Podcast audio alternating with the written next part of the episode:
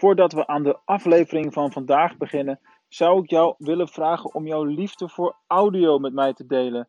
Namelijk in de vorm van een review voor deze podcast op iTunes. Ga naar de iTunes app als je binnen iTunes luistert en laat een review achter. Dit zou onwijs veel voor me betekenen om die waardering te krijgen. En je helpt ook andere mensen daarmee om mijn podcastshow te ontdekken, zodat we nog meer mensen met deze boodschappen kunnen bereiken.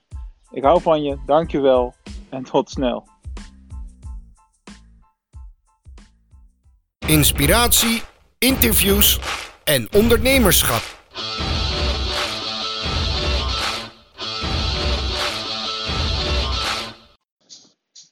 Voor de aflevering van vandaag leek het me leuk om wel een keertje stil te staan bij hoe het brein van een ondernemer eigenlijk werkt.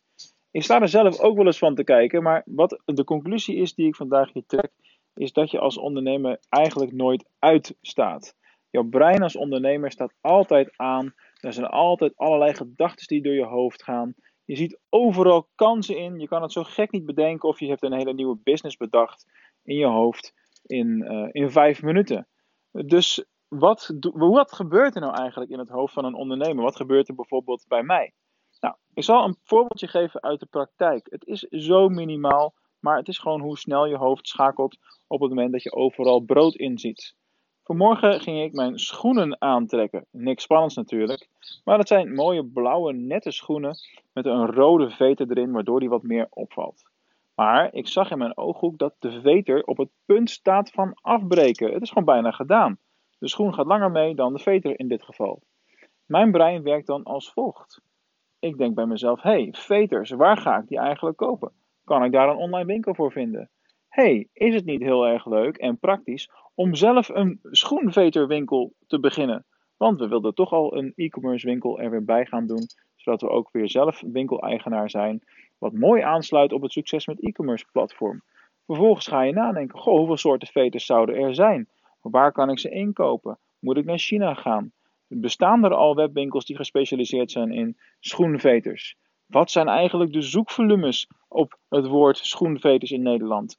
Hoeveel mensen kopen die dingen eigenlijk online? Overdrijf ik de kansen hier niet een beetje? Dat zijn allemaal van die vragen die dan in mijn hoofd afspelen en dat gebeurt in een tijdsbestek van nog geen 10 seconden. Zo snel gaat dat. Vervolgens ga je ook daadwerkelijk online kijken, want je moet dat ei ergens kwijt. Dat ei, het ei van het idee als het ware. Gaat erop zitten broeden. En inmiddels heb ik al geleerd dat er zeker schoenveterwinkels in Nederland online bestaan. Maar dat de grootste en degene die je bijvoorbeeld online tegenkomt, dat dat een partij is uit Denemarken, die dan ook actief is in Nederland.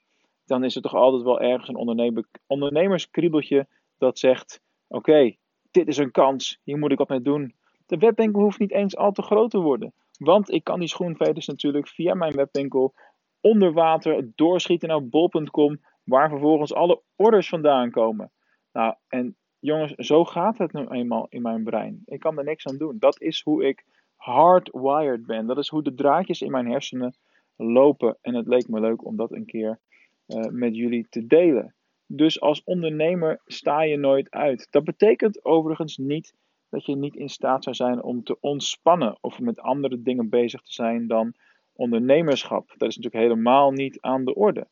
Maar goed, ondernemers eigen, je ziet overal kansen in, je ziet overal brood in. Wat ga ik nu aan het einde van de dag met dit verhaal doen?